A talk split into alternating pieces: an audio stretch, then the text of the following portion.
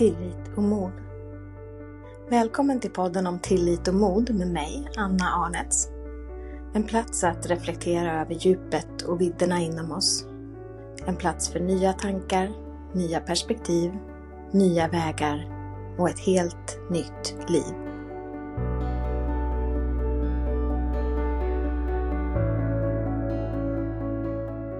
Hej och välkommen hit till den här podden som jag har valt att kalla för Tillit och mod.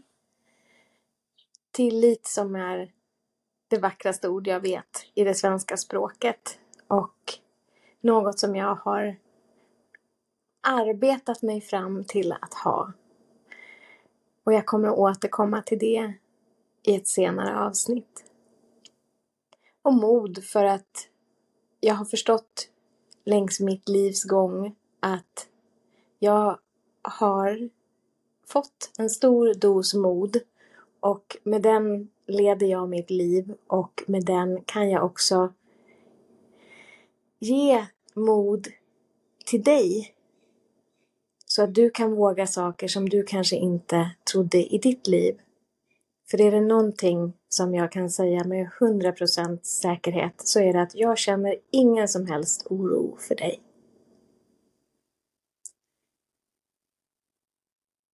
Jag kan inte säga att min livsbana har varit rak utan den har nog varit ganska krokig och jag kan ibland känna att jag har levt så många liv i ett liv.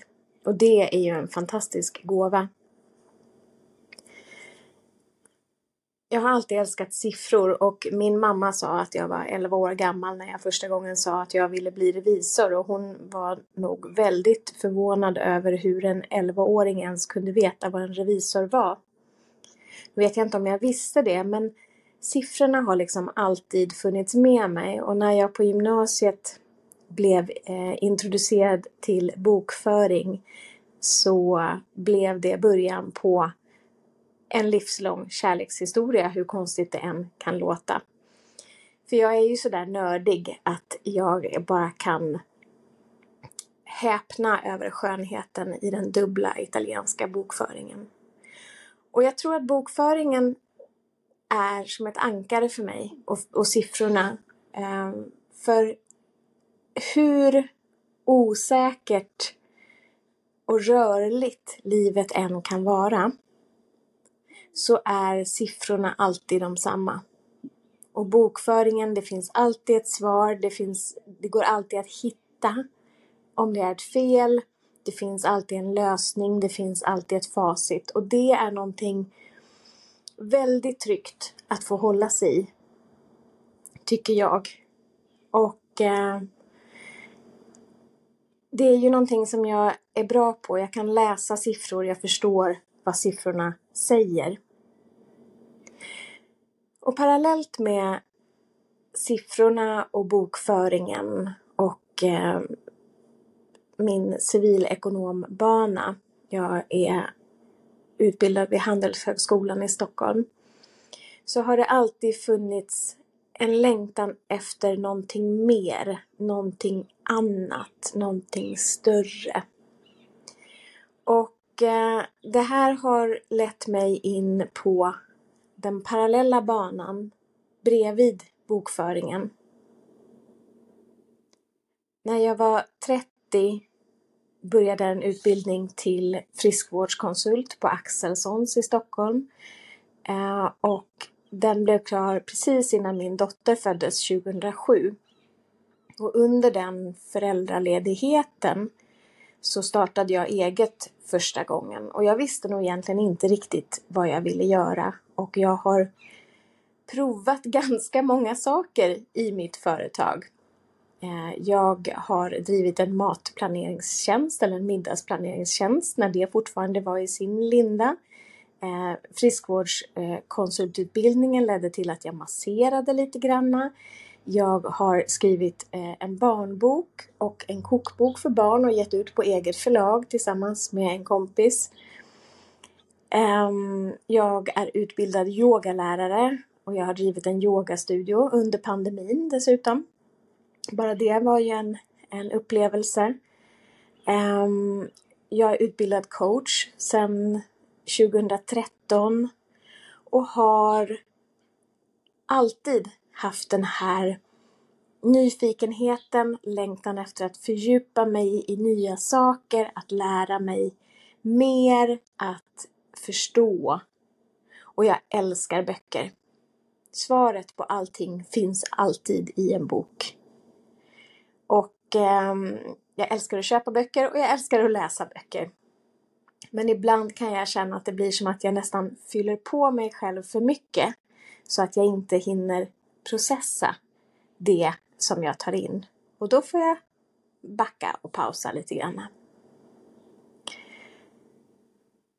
Jag eh, har också varit igenom en ganska lång sjukskrivning för utmattning. 2012 var ett turbulent år för mig då min pappa dog eh, hastigt och oväntat samtidigt som jag var på väg mot skilsmässa med ganska små barn.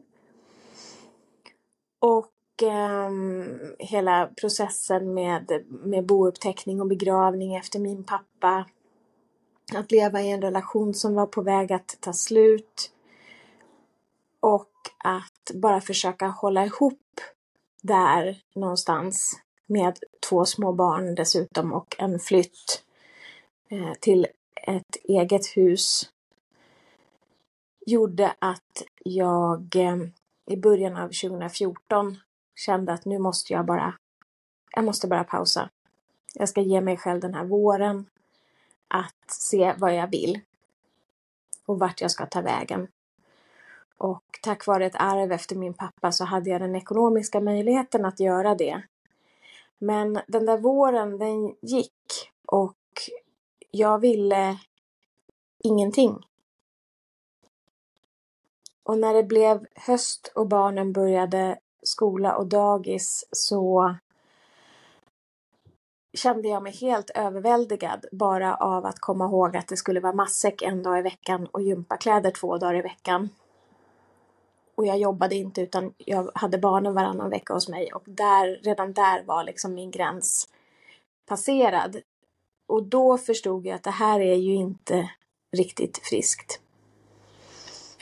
Så jag tog mod till mig och gick till läkaren och jag säger att jag tog mod till mig för jag var egentligen helt övertygad om att läkaren skulle säga att jag var galen och att det här var ju, så här har alla det. Det är bara att bita ihop och köra på och stänga av. Men det var ju inte det som hände. Utan jag blev sjukskriven i september 2014. Och den första sjukskrivningen på heltid kom att vara i ett år. Och i slutet av det året började jag en yogalärarutbildning och det här var ingenting som jag hade någon tanke på att jag skulle arbeta med. Utan jag skulle bara fördjupa min egen yoga, jag skulle lära mig mer. Så fredag morgon, eh, fredag morgon börjar kursen och jag går dit och så har jag bestämt mig för att jag ska aldrig någonsin i hela mitt liv bli yogalärare. Lördag morgon samma sak, söndag morgon samma sak. Söndag eftermiddag får jag guida två av mina kurskamrater in i en kort yogaposition i fem minuter. Jättebasic, inget konstigt. Och det var magiskt. Det var liksom bland det mest fantastiska jag har varit med om. Och där och då bestämde jag mig för att det här måste jag ge vidare. Och två veckor senare så hade jag hittat en plats att hålla min första yogaklass. Så mitt första år efter heltidssjukskrivningen jobbade jag enbart med att hålla yogaklasser. Och de var inte många, men det var mitt sätt att, att hitta tillbaka till en ork och till en lust. Och under sjukskrivningen och säkert redan innan den så hade jag svurit på att jag aldrig någonsin i hela hetaste helvetet skulle sätta mig på ett kontor igen. Jag ville aldrig mer jobba på det sättet. Så döm om min förvåning när jag sommaren 2016, nästan två år efter jag blev sjukskriven, plötsligt känner den här ping, längtan efter att få börja arbeta med siffrorna igen. Och att få vara på ett kontor, vara i ett sammanhang och vara med människor. Och där hade jag turen att få ett konsultuppdrag som var där jag var lite överkvalificerad men det gjorde mig ingenting för det blev ju som min arbetsträning och jag kom in i en fantastisk arbetsgrupp där jag hade så roligt och vi skrattade så mycket och det var så läkande. Och där fick jag också möjligheten att sakta men säkert öka upp min arbetstid för att sen från och med mars 2017 inte vara sjukskriven längre överhuvudtaget. Och sen dess så fortsätter jag att vara konsult. Um, och för mig är det ett sätt att hålla en distans mellan mig och jobbet. Det här är de timmar ni får och resten av tiden är min. Eh, det är också ett sätt för mig att hålla tydliga gränser. Och att alltid ha bakdörren öppen om jag hamnar på en arbetsplats som inte är bra. Och det eh, händer tyvärr ganska ofta. Men jag tycker fortfarande att det är roligt. Parallellt med det här, att vara yogalärare, som jag blev då eh, i augusti-september 2015, vara konsult som jag har varit sedan 2011 efter min andra föräldraledighet så kände jag att det är nu eller aldrig. Om jag går tillbaka till en anställning så kommer jag aldrig lämna det. Jag måste byta och bryta nu. Så parallellt med, med att vara yogalärare, att jobba som konsult och sen också driva den här yogastudion från 2019 till 2022 så har det smugit sig in det här med att jag hjälp, från början hjälpte vänner och bekanta med företagande, med bokföring, med allt det här som är mina superkrafter med siffror och förstå hur, hur regler funkar och kunna avdramatisera Skatteverket och sådana här saker.